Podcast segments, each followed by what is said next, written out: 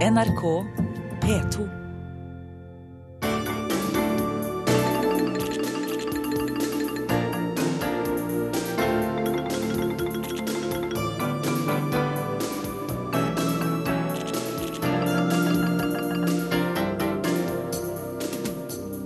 Ny bombe i Kairo på treårsdagen for folkeopprøret i landet. Partene i Syria-konflikten møtes for første gang til forhandlinger i samme rom. Tusenvis er offer for etnisk vold i Sør-Sudan. Frykt for at overgrepene skal holde fram, trass i våpenhvile. Israel vil forby bruk av ordet nazi. Om loven vedtas, blir det forbudt å rope nazi til soldater. Det er snart tid for OL, idrett, men også politikk. I would not go to the opening ceremonies. Og korrespondentbrevet handler denne veka om amerikansk vinter, litt ulik den norske.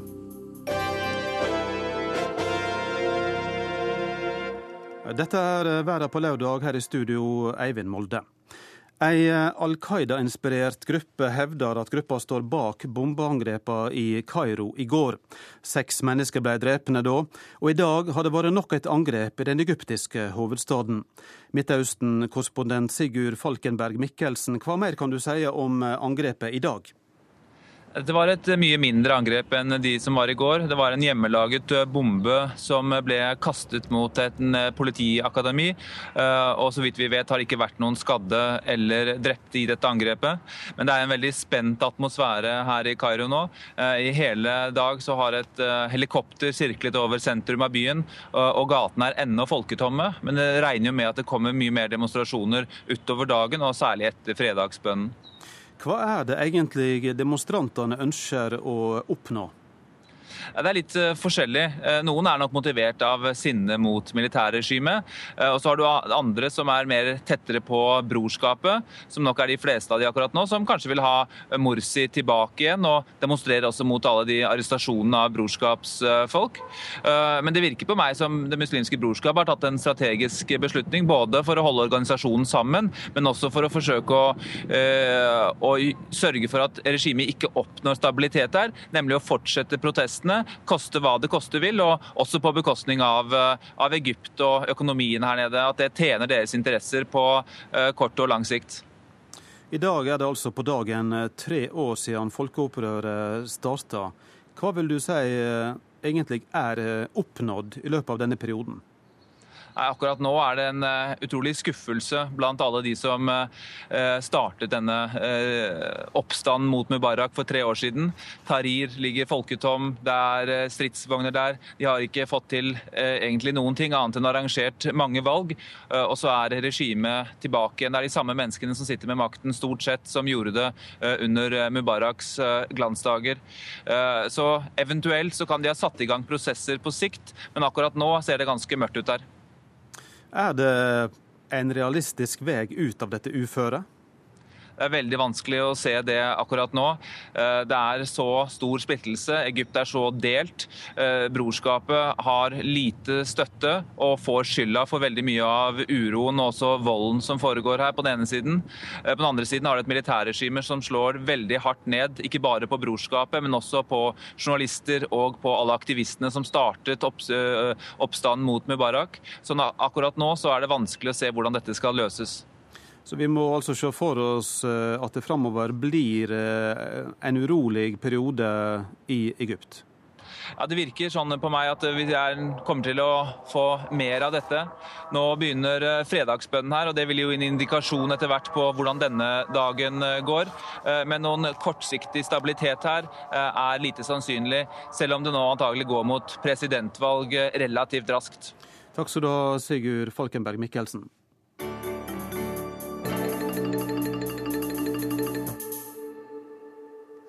Så til Ukraina. Også i natt har det vært konfrontasjoner mellom politi og demonstranter i den ukrainske hovedstaden Kiev.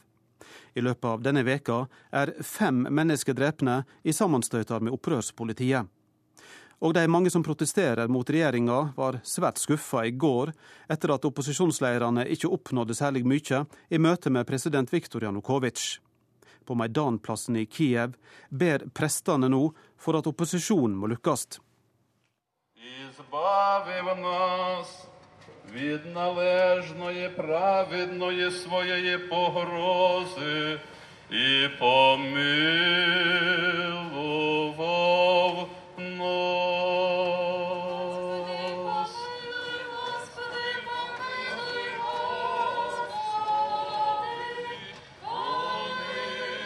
Maidanplassen, eller uavhengighetsplassen her i Kiev, er blitt et ikon for den ukrainsk-etniske delen av dette landets befolkning, som ønsker et nytt styre i denne nasjonen med 40 millioner innbyggere, på størrelse med Frankrike. Det var her på Maidanplassen at oransjerevolusjonen tvang Viktor Janukovitsj ut av presidentstolen for ti år siden etter omfattende valgfusk, som også felte mannen i høyesterett her i Ukraina. Maidanplassen er hjertet av Kiev, ligger ved den berømte Khretsjatik-boulevarden, sentrum av en by på Berlins størrelse med tre millioner innbyggere. I to måneder har Maidanplassen nærmest sett ut som en slags eh, leir av eh, kjempende mennesker. Stemningen kan minne mye om det jeg så i Vilnius i januar 1991. Eh, den gang befolkningen i Litauen slåss mot sovjetmakten. Her er det bål hvor folk varmer seg rundt. Dag og natt er en hard kjerne av demonstranter som holder liv i Maidanplassen når ikke den er full av 50 eller 100 000 mennesker. Teltleirene på alle sider rommer veldig forskjellige opposisjonsgrupper, fra f.eks. Frihetspartiet i Ukraina, som er meget ytterliggående nasjonalistisk og rasistisk.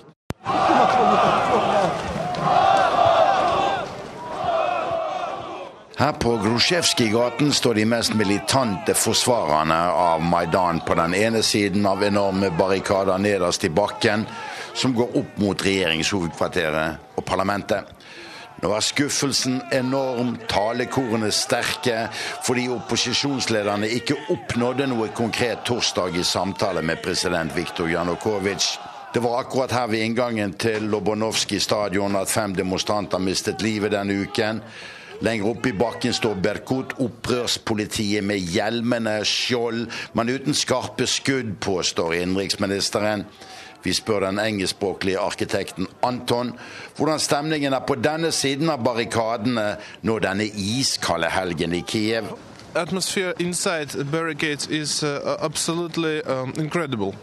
Uh, people uh, of different ages, different uh, social uh, status, and different uh, uh, sex uh, are gathered together. Uh, there is uh, there are some boys, 16, 17 years old, and some grey beard men, old men also are there, and they never.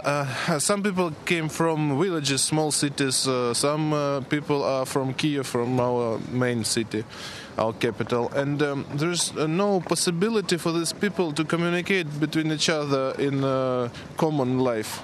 It's uh, just. Uh, so this is the meeting point. This is a meeting point, and they, uh, they are all uh, these different people have now the same uh, aim. Uh, were you very disappointed that the opposition leaders couldn't get through with their demands in a meeting with President Yanukovych?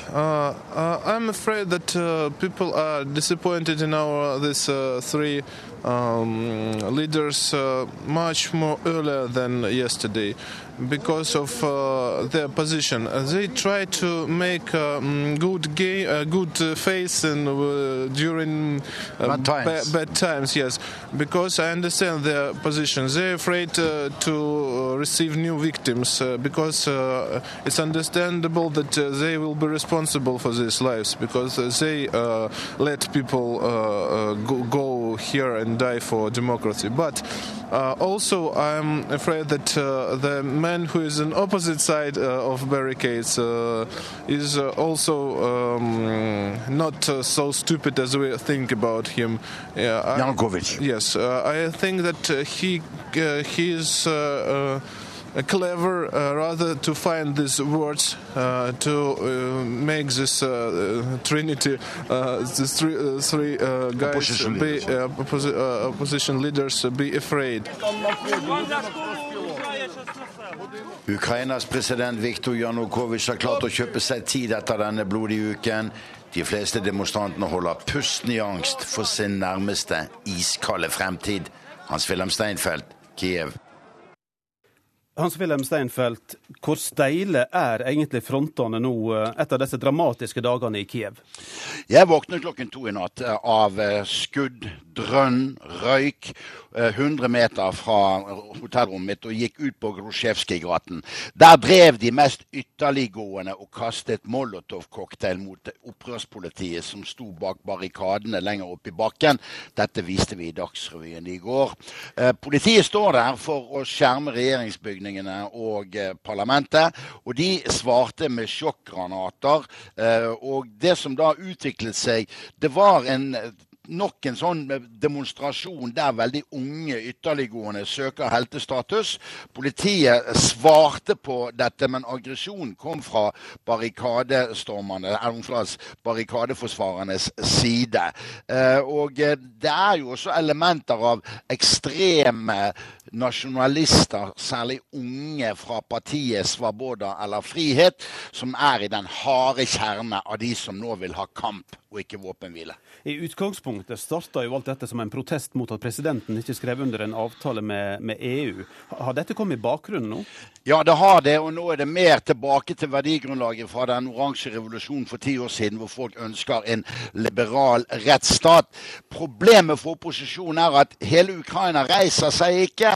Og det er nok mange som husker at helten fra oransjerevolusjonen, forrige president Viktor Jusjenko, avsatte Julia Timosjenko som statsminister, tilsatte Viktor Janukovitsj som statsminister, og fra den posisjonen så vant han faktisk forrige presidentvalg. Nå mangler opposisjonen en klar leder. Må det nye styresmakter på plass i landet, og, og vil det i så fall løse krisa? Eh, I morgen blir det store demonstrasjoner. Vi får se hvor stor de blir på søndag. Imidlertid er det ekstraordinært parlamentsmøte på tirsdag. Catherine Ashton fra EU kommer for å besøke president Janukovitsj. Hvis ikke han har mer å by på enn kosmetiske forandringer i regjeringen, vil opposisjonen kalle til generalstreik og prøve å lamme Ukraina. Det kan felle regimet.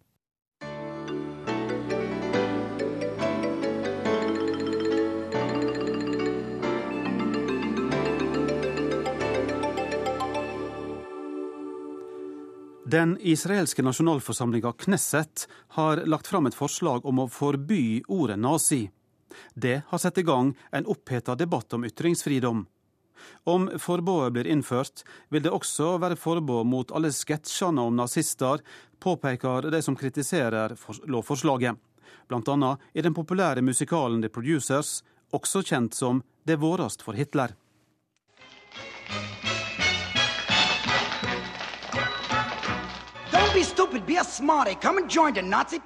Vær smart, meld deg inn i nazipartiet, synger de i Mel Brooks musical 'Springtime for Hitler'.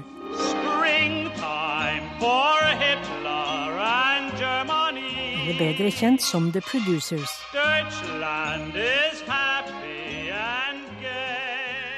Men denne musikalen kan bli bannlyst i Israel, der de folkevalgte skal stemme over et lovforslag som forbyr all bruk av ordet nazi. Bare i undervisning, dokumentasjon og forskning skal man kunne anvende ordet. Om loven vedtas, blir det forbudt å rope nazi til soldater. Nazister! Hitler er stolt av dere. Ja, du er en nazist. ropte denne bosettergutten til en israelsk soldat under en demonstrasjon. Religiøse og politiske aktivister får ikke lenger kle seg i Auschwitz-fangedrakter med gul davidsstjerne på for å vise sin avsky mot regjeringen. Å støtte Hitlers og nazistenes politiske mål, eller å beklage at målet ikke ble nådd, skal også forbys ifølge lovforslaget. Straffen for å kalle noen nazi er foreslått til seks måneder i fengsel eller en bot på 170 000 kroner. Regjeringen støtter loven, nå er det opp til de 120 folkevalgte i Knesset å vedta den. Mannen bak forslaget er Shimon Ohayon, født i Marokko, men medlem av Israel Beiteino, et parti hovedsakelig for russisktalende israelere. Ytringsfriheten har krysset alle grenser. Vi må beskytte oss mot den uansvarlige ytringsfriheten som skader folk, sier Ohayom, som først og fremst vil beskytte de holocaust-overlevende. La oss kaste Jerry Seinfeld i fengsel, skriver Itai Segal i avisen Yediota Chronot. For hør bare. Hey, Jerry! I didn't know you like soup. Hard to believe. This guy makes the best soup in the city, Jerry. The best. You know what they call him? Soup Nazi. I Seinfeld kaller de en morsk kaféeier for suppenazisten. Og nå kan vi ikke lenger gå med stripete pysjamas fordi det kan minne noen om en konsentrasjonsleir. Vi kan ikke fortelle vitser som hinter mot nazistene, skriver en oppgitt Segal, som foreslår at man også forbyr ordet karbohydrat, siden karbohydrater heller ikke er bra for folk. Mihal Rosin fra venstrepartiet Meretz mener loven er tøvete. Eh, vi vet mest om holocaust. Hver dag blir vi minnet om jødenes skjebne her i Israel, sier Rosin til Associated Press. La oss først forby voksne å fortelle barn alle skrekkhistoriene fra holocaust om og om igjen, og la oss stanse hjernevaskingen av ungdom som skal på Auschwitz-besøk, skriver Haaretz Benny Siffer. Han mener holocaust blir brukt og misbrukt som politisk og psykologisk skremsel i Israel.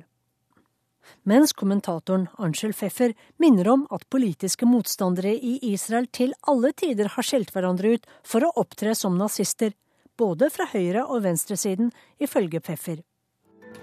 I said uh, a year and a half ago that the year is 1938 and Iran is Germany and it's racing to acquire nuclear weapons. You asked me about comparisons with Hitler. Well, let me give you one. Og hvor mange ganger har ikke statsminister Benjamin Netanyahu kalt Irans tidligere president Ahmadinejad for vår tids Hitler? Og hvor mange ganger har han ikke omtalt Irans atomprogram som opptakten til et nytt holocaust?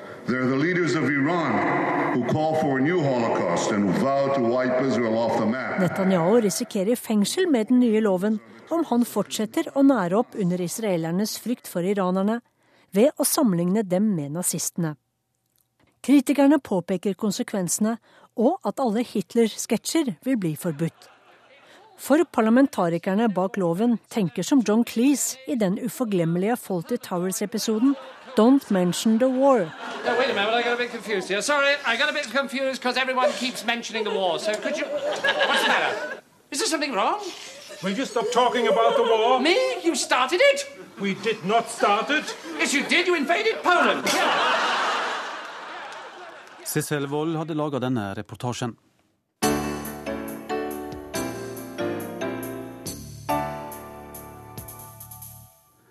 Partene i konflikten i Syria møttes nå i formiddag til samtaler i samme rom.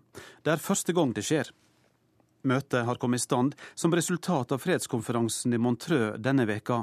Målet er å få slutt på den nesten tre år lange konflikten i landet. Midtøsten-korrespondent Sigurd Falkenberg Mikkelsen kommenterer.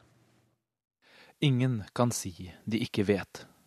Alle delegatene som denne uka satt sammen rundt det samme bordet i Montreux ved Genévesjøens bredder, visste at mens de pratet, foregikk krigsforbrytelser inne i Syria. Det vil alltid være spørsmål om troverdigheten heftet ved den ene eller den andre rapporten, men at det skjer, er hevet over enhver tvil, og min antagelse er at vi bare har sett toppen av isfjellet. Og likevel, likevel var det ingen kraft i dette møtet til umiddelbar handling. Alle har sine grunner til å drøye, vente eller bortforklare. Midtøsten er som kjent så komplisert at det er greit å legge moralen til side. Jeg tror historiens dom kommer til å bli hard, ikke bare over dem som deltok i Montreux-konferansen, men for alt som er skjedd de siste tre årene knyttet til denne konflikten. Nå har alle de internasjonale delegatene forlatt Sveits, og igjen sitter FNs spesialutsending Lakhdar Brahimi med det lite misunnelsesverdige oppdraget å få partene til å forhandle direkte seg imellom. Opposisjonens utfordring er at de ikke taler på vegne av så mange, Og i hvert fall ikke på vegne av de islamistiske gruppene som sitter med stor militær makt inne i Syria. Og man må kunne tillate seg å tvile på Assad-regimets fredsvilje når de samtidig med å sende en delegasjon til Sveits slipper tønnebomber fulle av sprengstoff over opprørskontrollert Aleppo og holder på å sulte ut flere deler av Damaskus, inkludert den palestinske flyktningleiren Jarmuk. Listen for forhandlinger er lagt lavt. I beste fall vil det dreie seg om lokale våpenhviler og lette tilgangen for humanitær hjelp. Over to millioner mennesker har behov for akutt nødhjelp. Folk sulter, har ikke tilgang til medisiner og de fryser. Disse tillitsbyggende skrittene kan så lede til nye prosesser. I hvert fall var det det diplomatene sa under Montreux-møtet, som først og fremst tjente til å vise hvor dype splittelsene er i Syria, og hvor lammet de internasjonale aktørene er. Sveits og Genéve er ikke ukjente med å huse avmektige internasjonale organisasjoner.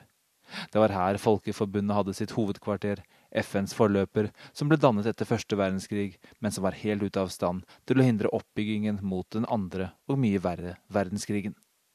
Også da var verden komplisert, og alle hadde gode grunner til å ikke gjøre noe da Mussolini gasset etiopiere eller Franco med tysk hjelp bombet Guernica.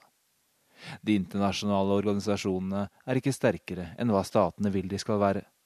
Det var tilfellet da, og det er tilfellet nå. Det var derfor ikke FNs generalsekretær Ban Ki-moon som ble ydmyket av en aggressiv og ufin syrisk utenriksminister som ville ha mer taletid. Det var en hel verden. Walid Muallem følte åpenbart at han kunne tillate seg dette, uten større risiko. Derimot var det generalsekretæren og hans stabs ansvar at de ikke bedre hadde forhåndssikret seg da de inviterte Iran i siste liten til konferansen. Å ha Iran til stede ville vært en god idé under de rette forutsetningene, men som så mye annet under dette møtet, det var det ikke. Invitasjonen skapte derfor unødvendig mye uro i en allerede rotete prosess, og undergravde Bans autoritet allerede før konferansen var i gang. For han måtte jo til slutt trekke invitasjonen. Det var en forsiktig mann som forklarte seg til pressen etterpå at han mente å ha fått de rette forsikringene, men at det ikke holdt. Selvfølgelig ligger hovedansvaret for det som skjer i Syria på aktørene selv, altså de som utkjemper borgerkrigen og deres tetteste allierte. Saudi-Arabia, Qatar og Tyrkia for opposisjonens del, Iran og libanesiske Hizbollah for regimets del.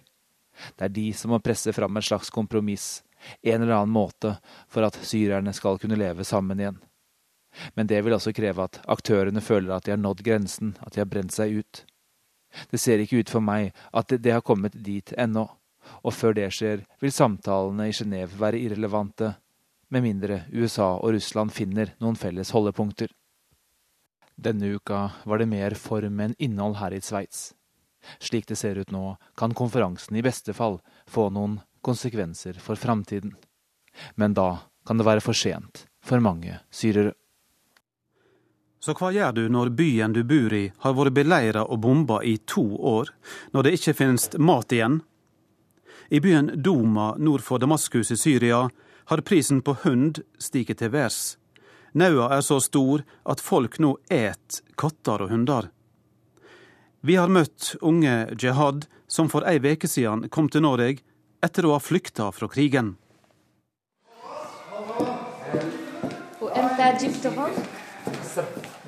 Langt unna Syria, på Refstad asylmottak i Oslo. Uh, jihad. I Adesh Omrek. Uh, 28. Jihad, 28 år gammel, fra byen Duma nord for Damaskus. I'm from uh, an area called Duma, Duma city. It's in Rif Dimashq. En sped mann med avmålt blikk. Han fisker opp mobilen, full av minner og musikk om revolusjonen.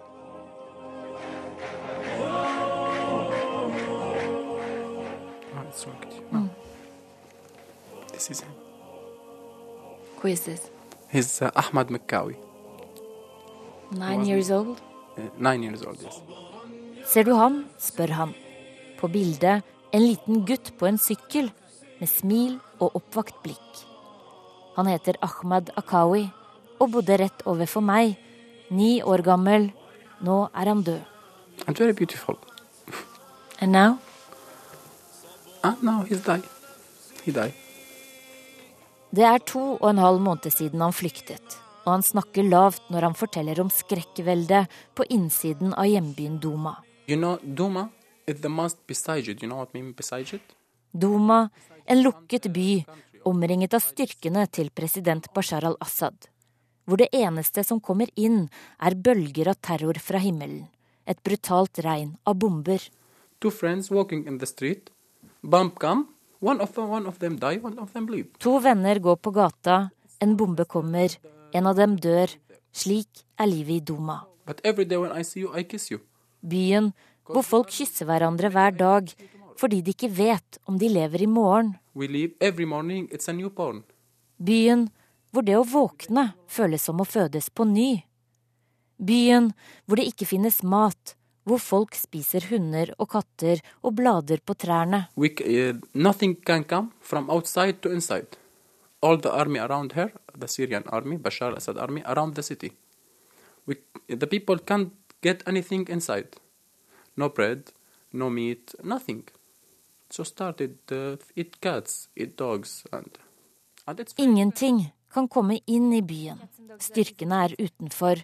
Folk får ingenting inn. Ikke brød, ikke kjøtt, ingenting.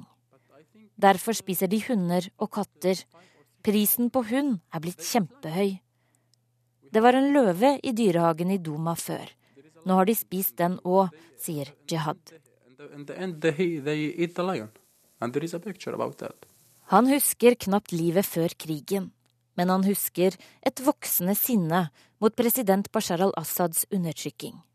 Han husker to barn som måtte bøte med livet pga. rampestreker.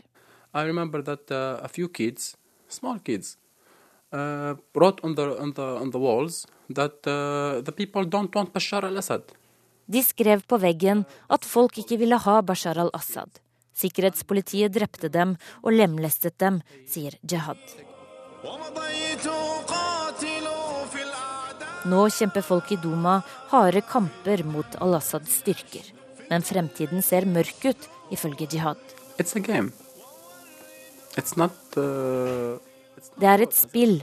Stormaktene spiller spill om Syria. Folket betaler prisen, sier han. Do you see any hopes for Syria? not now, maybe in the future. Not now, I don't think now. Reporter Hege Mo Eriksen hadde møtt Jihad fra byen Duma.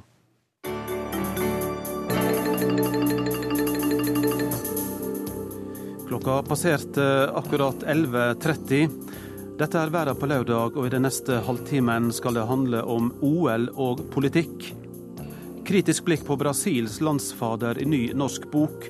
Og korrespondentbrevet handler om det vi vanligvis kaller vinter. Andre steder kalles det vinter, men det vi glemmer er at alt er stort i Amerika, også uvær.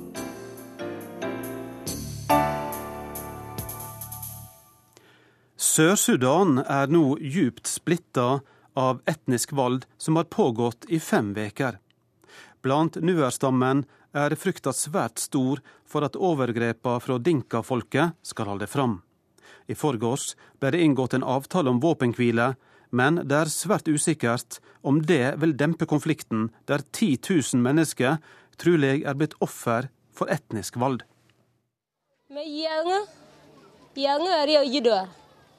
Jeg ble skutt for fire uker siden fordi soldatene mistenkte at det var et opprør på gang, forteller Alunya-far. Den unge kvinnen er i en kjempestor flyktningleir i Sør-Sudans hovedstad Juba. Hun holder til i et av de mange overbefolkede teltene, og hun viser to sår ved kravebeinet der kulene gikk inn i kroppen hennes.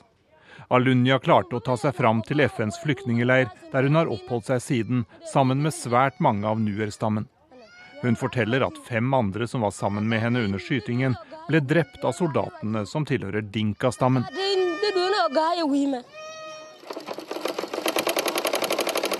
Det er en kaotisk situasjon i flyktningeleiren, men en skredder klarte å få med seg symaskinen sin og utføre enkle reparasjoner på flyktningenes klær.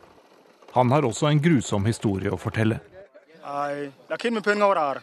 Jeg kan ikke gå noen steder. Hvis jeg forlater FNs leirområde, risikerer jeg å bli drept av dinkaene bare fordi jeg tilhører nuerfolket, sier skredder Josef Kohl. Han forteller at da krigen startet i midten av desember, ble folk fortalt at de skulle holde seg innendørs i husene sine. Men snart begynte soldatene å gå fra hus til hus, og de drepte alle nuerene de fant. Jeg kjenner mange som ble drept. Jeg var selv vitne til at 257 mennesker fra Nuer-folket ble slaktet, sier Josef Koll. Flyktningene i eh, denne leiren bor under ganske primitive forhold. Det er en eh, sterk lukt, en stank en del eh, steder her. De får ikke nok mat, sier mange av flyktningene. det er altså 400 000 mennesker som er fordrevet, som er på flukt i Sør-Sudan akkurat nå. de tilhører altså nuer-stammen, og de er livredde for hva som vil skje med dem i tiden som kommer. I call upon the political leaders of this country and the citizens who took refuge in the UN camps in the country, particularly in Juba, to return to their homes. Sør-Sudans president Salwa Kiir ber flyktningene fra nuer-folket om å forlate FNs leirer rundt om i landet.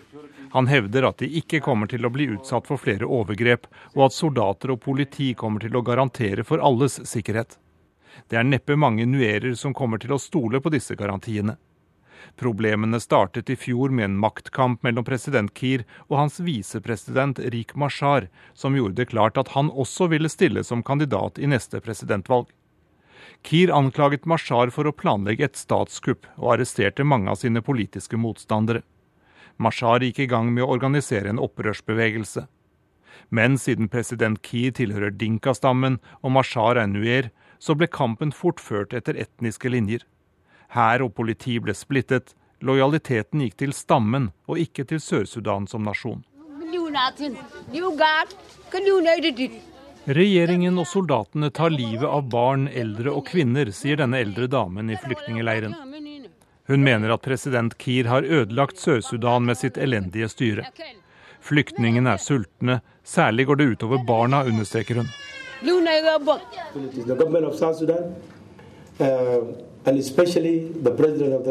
Regjeringen og presidenten er svært glade for at det ble undertegnet en avtale om våpenhvile mellom opprørerne og myndighetene i forgårs, sier presidentens talsmann Ateny Vekateny. Myndighetene hevder at det nå skal bli slutt på kamphandlingene, og at situasjonen etter hvert kommer til å bli normalisert.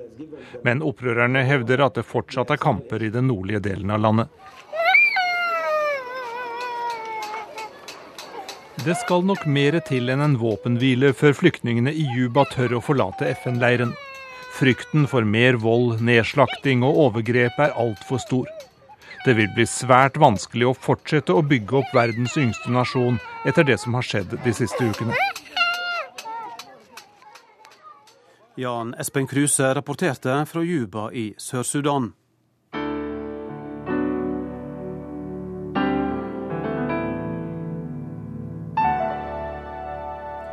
Om to uker er de 22. olympiske vinterleikene i gang i Sotsji i Russland. Hvert fjerde år samles de fremste idrettsutøverne i verden til såkalt fredelig kappestrid i olympisk ånd. Men rammene rundt blir stadig oftere prega av politikk og nasjonal prestisje. Slik det for så vidt alltid har vært når det gjelder OL, i større eller mindre grad. Joar Hoel Larsen har sett på historia til de olympiske leikene i et politisk perspektiv. Olympischen Winterspiele 1936 in Garmisch-Partenkirchen für eröffnet. Året er 1936. Stedet er Garmisch-Partenkirchen i Bayern, og vi hører Adolf Hitler åpne de fjerde olympiske vinterleker. De tyske nazistene hadde forstått betydningen av masseopptrinn og presisjon, av faner og fanfarer, av brød og sirkus til folket. Hakekorsflaggene vaiet i vinden, og skiltene med 'forbudt for jøder' var midlertidig fjernet. Stemningen var på topp, og været var fint under innmarsjen, der deltakere fra mange land hilste føreren med utstrakt hånd på nazivis. Han var tydeligvis tilfreds med generalprøven. For februarleken i Bayern 1936 var bare en slags test foran den store PR-festen i Berlin i august samme år. An impressive 120,000 spectators cram into the Berlin Olympic Stadium for the opening of the 1936 Games. Berlin-OL satte en slags standard. Storslagent og overdrevent. Noen av dagens olympiske ritualer går tilbake til Berlin. Som fakkelstafetten, denne vakre skikken der den olympiske ild løpes gjennom bygd og by. Den stammer fra nazistenes propagandaleder, sier Anastasios Anastasiadis ved McGills-universitetet i Canada. The most important one is the torch, and actually the whole relay, like of the flame and of the torch. Actually, that's a total invention of the Nazis. Å arrangere olympiske leker gir vertslandet en ypperlig anledning til å presentere et glansbilde av seg selv. Medaljens bakside er at oppmerksomheten kan misbrukes av andre til å fremme sine saker og synspunkter. Så godt som alle OL-arrangører, sommer som vinter, har opplevd politiske protester fra deltakerland. Afrikanerne boikottet sommer-OL i Montreal i 1976 på grunn av Sør-Afrika og apartheid. USA og mange vestlige land, blant dem Norge, boikottet Moskva-leken i 1980 på grunn av Sovjetunionens innmarsj i Afghanistan, og Sovjet fikk med seg 14 sympatiserende land i en dårlig fordekt hevnboikott av Los Angeles-lekene i 1984. Det er derfor ingen tvil om at de olympiske leker er politiske, sier David Walenczynski, som er president i Olympiahistorikernes forening. Lekene er en del av den verden vi lever i, og den er politisk. The Olympics are part of the world, and politics is part of the world. So it's uh, an illusion to think that you can separate the Olympics from politics. Beijing-leken i 2008 ble arrangert midt i den amerikanske presidentvalgkampen, og begge kandidatene, både Barack Obama og John McCain, mente at president Bush burde holde seg hjemme pga. menneskerettighetssituasjonen i arrangørlandet. I think it's appropriate for the president uh, to decline an invitation to attend the opening ceremonies. I would not go to the opening ceremonies. Presidenten, som allikevel bare hadde et halvår igjen i Det hvite hus, så det imidlertid annerledes. I, I don't view the Olympics as a political event. I view it as a sporting event. Så den sportsinteresserte president Bush tok med seg førstedame Laura og dro til Kina. Ifølge rapporter fra den gang hadde han både viktige politiske møter og a good time. President Barack Obama derimot har ingen planer om å reise til Sotsji, verken for å more seg eller møte Putin eller Medvedev. Men det er ikke av noen protest eller boikott. Uh, I do not think it's appropriate to boycott uh, the Olympics. Obama markerer allikevel sin motstand mot de innskjerpede russiske homolovene ved å sende en delegasjon med flere homofile, for å vise at USA er et sammensatt og mangfoldig samfunn. One of the things I'm really looking forward to is maybe some gay and lesbian athletes bringing home the gold or silver or bronze, which I think would go a long way in rejecting the, the kind of attitudes that we're, we're seeing there. På grunn av den globale oppmerksomheten, de enorme kommersielle interessene, den intense kampen om sekunder, centimeter og medaljer, så blir VM-sendingene fra de olympiske leker sett av flere mennesker verden rundt enn noen andre programmer. Den kanskje mest brutale politiske ytringen i verden i dag er de ekstremt ytterliggående, og aldri har terrorister, som ønsker å sende et budskap, et større publikum enn under OL. I 1972 ville Tyskland vise et annet OL-ansikt enn i 1936, og fremsto som åpent og vennlig, med et sikkerhetsopplegg tilpasset denne politisk vedtatte gjestfriheten. Den militante palestinske gruppen Svart september utnyttet dette olympiske smutthullet. At 4:30 a.m. on September 5, 1972, eight members of a Palestinian terrorist group known as Black September climbed an unguarded fence surrounding the Olympic Village. Det endte forferdelig galt. Elleve medlemmer av den israelske OL-troppen ble drept. We've just gotten the final word. They've now said that there were 11 hostages. Two were killed in their rooms yesterday morning. Nine were killed at the airport tonight. They're all gone. For hvert OL de siste 40 årene har sikkerheten økt. Alle har de fryktet et nytt München.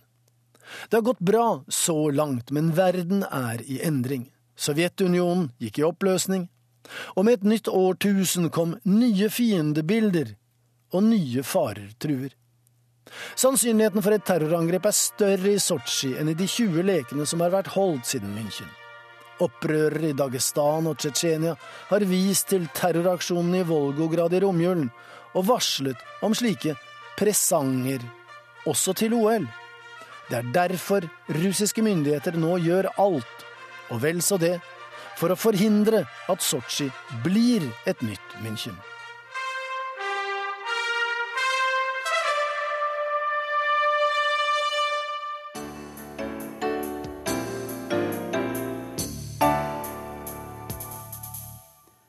Brasil vil trolig oppleve nye store demonstrasjoner når fotball-VM starter til sommeren. Det sier forfatteren og journalisten Arne Halvorsen, som neste uke lanserer den nye boka si om Brasil. I boka kommer Halvorsen med hard kritikk av Brasils landsfader Lula da Silva.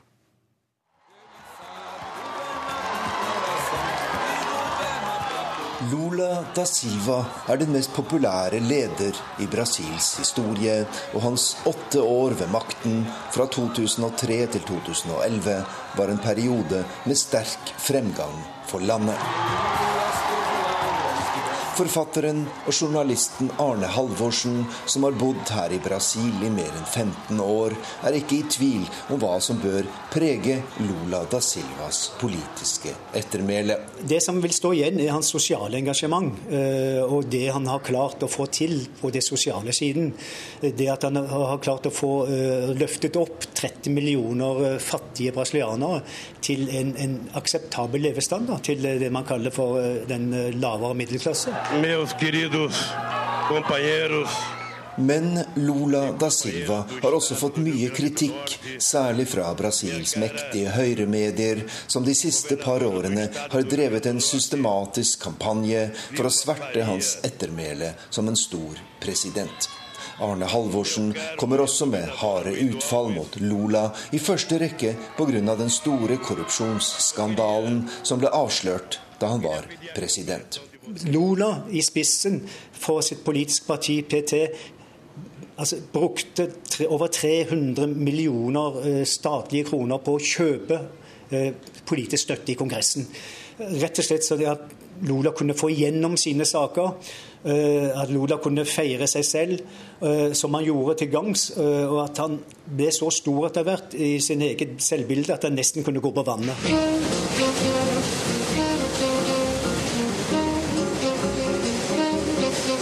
Brasil i sol og skygge heter Arne Halvorsens bok, som kommer på markedet i neste uke. Bokens styrke er de mange selvopplevde historiene som bringer oss rundt i kjempelandet Brasil. Fra gullgravermiljøet i Amazonas via den lutfattige landsbygda i nordøst, til møter med sambaens og fotballens Brasil.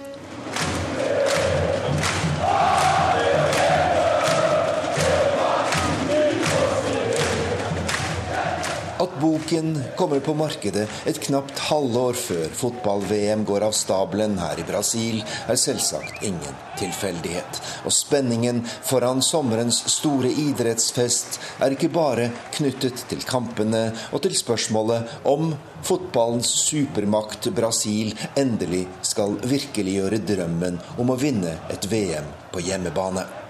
Mange er også opptatt av hva som vil skje utenfor arenaene etter at landet ble rystet av kjempedemonstrasjoner under prøve-VM i fjor sommer. Arne Halvorsen fulgte demonstrasjonene i fjor sommer for norske medier, og han regner med nye protester under fotball-VM. Jeg er nesten helt sikker på at vi vil se like store demonstrasjoner i, under eh, VM i juni og juli som vi så i, i, i, 2013. Eh, jeg har allerede vært i kontakt med organisasjonen som startet eh, demonstrasjonen i Sao Paulo i, i fjor, i juni 2013. Og de er helt klare på at det blir nye demonstrasjoner. Vi har allerede organisert oss i de tolv delstatene som skal ha, arrangere VM. Det er flere sosiale medier nå som er med. Og en interessant ting er at VM-maskotten, den offisielle VM-maskotten har nå blitt en demonstrant på, på de sosiale mediene. Et annet spørsmål som opptar fotballinteresserte over hele verden, er de store forsinkelsene foran sommerens arrangement. Bare seks av de tolv VM-arenaene er ferdige, og det internasjonale fotballforbundet Fifa kom nylig med en kraftig advarsel til brasilianerne. Fifa har rett i veldig mye av kritikken. Eh, Brasil eh, fikk tildelt VM for syv år siden de satt i tre år og feiret at de hadde fått VM. Og så begynte man å tenke ja, ja, vi må jo bygge stadioner. Og så må vi jo selvsagt bygge ut flyplassene. Ja, og så veiene inn til, inn til stadionet. Dette er ikke blitt gjort. Stadionene vil stå klare. Men problemet og det kan bli en stor skandale. Det blir da flyplassene og, og, og, og infrastrukturen fra flyplassene og inn til selve arenaene sa forfatteren Arne Halvorsen. Reporter i Rio de Janeiro, Arnt Stefansen.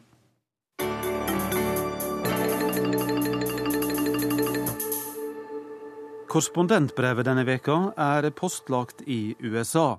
Avsender er Anders Tvegård. Andre steder kalles det vinter, men det vi glemmer er at alt er stort i Amerika, også uvær. Her hentes opp fancy navn fra fremmedordboka når det kommer litt mer snø og kaldere temperaturer enn vanlig. Polar vortex er årets nyord. Det satte seg fast i alles lepper rett over nyttår, da en tredel av USA og Canada opplevde en ny istid noen få døgn. Vi fikk en liten påminnelse igjen denne uka av hva en polar virvel gjør med verdens mektigste land. Mens jeg skriver brevet her i en skyskraper i New York, snør det oppover det ser iallfall sånn ut på utsiden av vinduet. Om det er vinden eller trykket nedenfra som gjør jobben, vet jeg ikke, men det er ikke ofte jeg ser snøen falle feil vei. Muligens så er dette mindre eksotisk for dem som arbeider i, i skyskraperne. Gardinene lever sitt eget liv i trekken, og du kan høre at bygningen ikke liker de brå temperaturendringene. Det har blitt grått ute, og jeg kan så vidt se konturene av FN-bygningen som sliter med å stikke seg fram tre avenyer lenger borte. Støyen fra gateplanet når eh, også hit opp i høyden. Nede konkurrerer sirenene fra ambulanser og brannbiler med tuting fra trafikanter. Bilister som sikkert bare varsler at den andre ikke kan kjøre skikkelig. Hotellenes dørmenn prøver å blåse mer og høyere i fløyta for å sørge for at hans gjester får taxi først, og da gjerne en drosje med forhjulstrekk, fordi de gamle variantene klarer ikke ta seg, eller deg, trygt fram i nysnøen. Dampen velter opp fra kumlokk, og under bakken hyler bremsene til undergrunnstogene, som kommer annethvert minutt. Dette er det urbane liv. Byen som aldri sover, kanskje nettopp fordi det er så mye larm. Stille er det i alle fall ikke i New York selv i stormen. Støy er forresten klage nummer én i livskvalitetsmålinger her i byen. Det til tross for at New York har et av USAs strengeste lydregimer. Det er en mindre hørt arv etter borgermester Bloombergs tolvårige styre. F.eks. må byggeplasser komme med en plan på hvordan de reduserer støyen mest mulig. Helikoptre får ikke fly over Manhattan mellom klokka åtte på kvelden og åtte på morgenen. Overdreven støy fra restauranter, på fortau og selv søppelbiler er ulovlig. Det er et koldtbord av lyder og en symfoni å håndheve. Bøtene starter på 400 kroner for en hund som bjeffer, til 2000 kroner om du bruker hornet i trafikken, og opp til 50 000 kroner for en nattklubb som plager folk utenfor. Midt i dette varslede kaoset er også Stortingets utenriks- og forsvarskomité, fagpolitikernes første utenlandstur etter valget. Den siste kaldfronten denne uka kom ikke overraskende. Det store snøfallet var det derimot ikke tatt høyde for. Stort i denne sammenheng er 25 cm i en by med millioner av mennesker, få parkeringsplasser og ingen vinterdekk. Det er minus 14 grader i lufta. Effektivt så måles det minus 26. Norske forhold, bortsett fra fuktig, bitende vind. Ansiktene ser ut som om de nettopp spiste en sitron. Skolene har tatt beslutningen om å stenge dørene tidligere på dagen. Offentlige ansatte fikk jobbe hjemmefra, patruljer gikk rundt for å se etter hjemløse.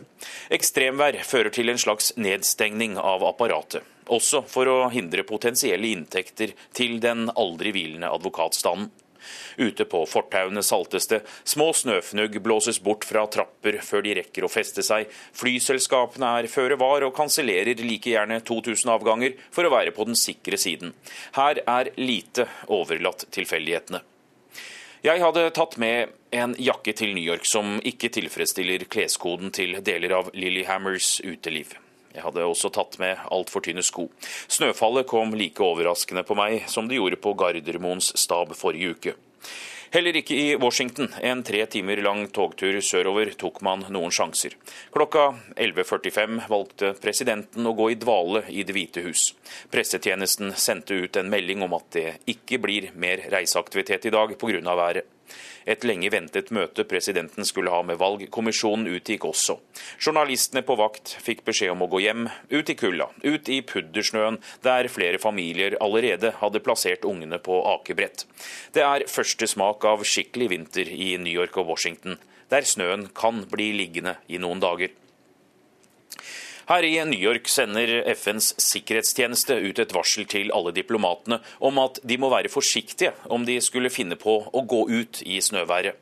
Det kan være is på fortauet som ikke er synlig, står det i e-posten. Du oppfordres også til å være ekstra varsom om du skulle krysse en gate, fordi det kan være biler der som ikke ser deg. Det er en detaljert oppskrift de kommer med, sendt ugradert og på åpent nettverk, som om snø og vind er noe som inntreffer hvert tusenårsskifte. Alle FNs medlemsland har fått samme råd og instruksjoner om å ha på seg flere lag med klær. Hatter, hansker og skjerf, dekket til ører, fingertupper og nese. Og klokka 13 stengte FN like godt dørene for ikke-essensielt personell. Medlemmene i Stortingets utenriks- og forsvarskomité fikk ikke møte alle de hadde planlagt på sin første tur til FN. Mange av toppene var opptatt med Syria-forhandlinger i Sveits, og få andre kunne kaste lys over det som virker som den tøffeste uka for FNs generalsekretær gjennom hans fem år. Jeg tenker på fiaskoen og solodiplomatiet overfor Iran. Den vanligvis godt forberedte band har vært på tynn is. I går var det seks varme og stjerneklart. Empire State-bygningen med sine 79 heiser og 380 meter over bakken var dekket av de panafrikanske fargene grønt, svart og rødt. New York hedret Martin Luther King. Det var også en offentlig fridag i USA. I dag er det ikke synlig hva slags farger som pryder toppetasjene til Empire State, men ifølge hjemmesida er det hvitt, hvitt, hvitt resten av uka. Polar vortex kalles det altså. Et ekstremt værregime med arktiske vinder. Begrepet ble først brukt i 1853, men jeg lærte meg først ordet på denne sida av året, da den iskalde syklonen la seg over tett befolkede områder i USA og Canada. I motsetning til bilder fra norsk vinternatur som bader i sollys, trenger ikke nedfrysningen være spesielt vakker å se på her borte. Hjemme i Washington hadde min alltid røykende nabo Barbara forberedt seg godt. Hun hadde satt opp et slags vindskjold av planter på den lille verandaen ut mot gata. Det gjorde at hun slapp å ta den lille gåturen langs huset vårt, og heller kunne stå med sneipen under tak, mens sur vind regjerte gatene. Proffrøykeren hadde ennå ikke funnet seg vanter, så smellene fra ytterdøra, som slenger igjen bak henne enten hun går inn eller ut, var hyppigere enn vanlig. Uværet stanset deler av programmet til de norske politikerne. Men Norge har ikke tradisjon for å avlyse, ei heller FN-ambassadøren når han inviterer til middag, ifølge ham selv. Bussen som skulle plukke opp de folkevalgte, satt fast i trafikken. For dem som kjenner New York, det tok over én time å ta seg fra 48. gate til 52. gate. Også drosjene slet med is på ruta, slaps i avenyene og en enorm etterspørsel midt i vaktbyttet. Flere av komitémedlemmene hoppet av den innleide bussen, ignorerte advarsler om frostbitt, spaserte i snøværet de 45 minuttene det tok til middagen på øvre deler av Manhattan, eller presset seg inn på overfylte undergrunnsbaner som hos andre. Vinter stanser ikke vikinger. Ikke sport heller. Fotballen stopper aldri, ble det hevdet på Twitter. I en diskusjon om vær og om det var interesse for å bruke ti verdifulle radiominutter på årlig kaos her borte, fikk jeg tips om å se på eksempelet Superbowl. Finalen i amerikansk fotball. Årets største enkeltstående idrettsbegivenhet og et fyrverkeri av et TV-show for hele familien. Neste helg braker det løs, og det kan bli den kaldeste Superbowl i historien. Det var minus fire da det lange avsparket ble tatt i New Orleans i 1972. Nå er finalen for første gang utendørs i en stat med potensielt kaldt klima. Newyorkere og New Jersey er stolt av å være vertskap og vet hva som står på spill.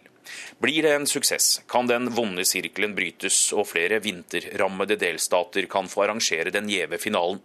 For å være på den sikre siden er det lagt opp til reservedager dersom kraftig snøfall skulle komme akkurat neste helg.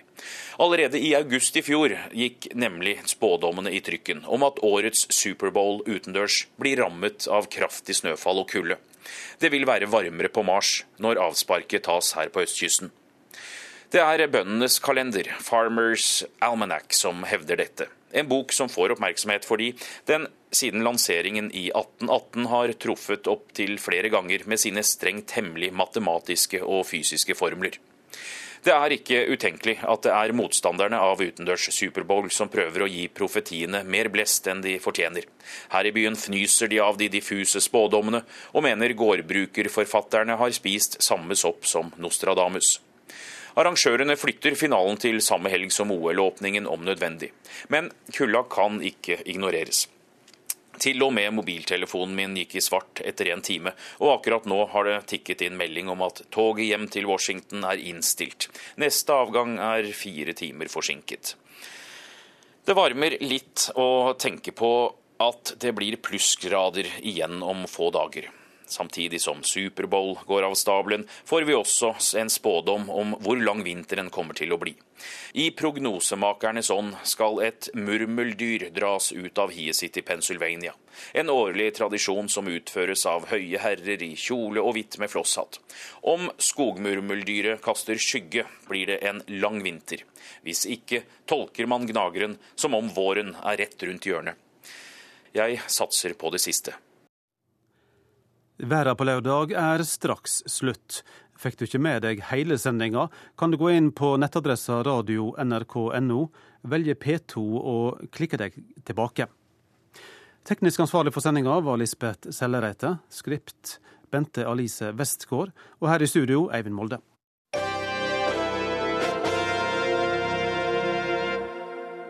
Hør flere podkaster på nrk.no podkast.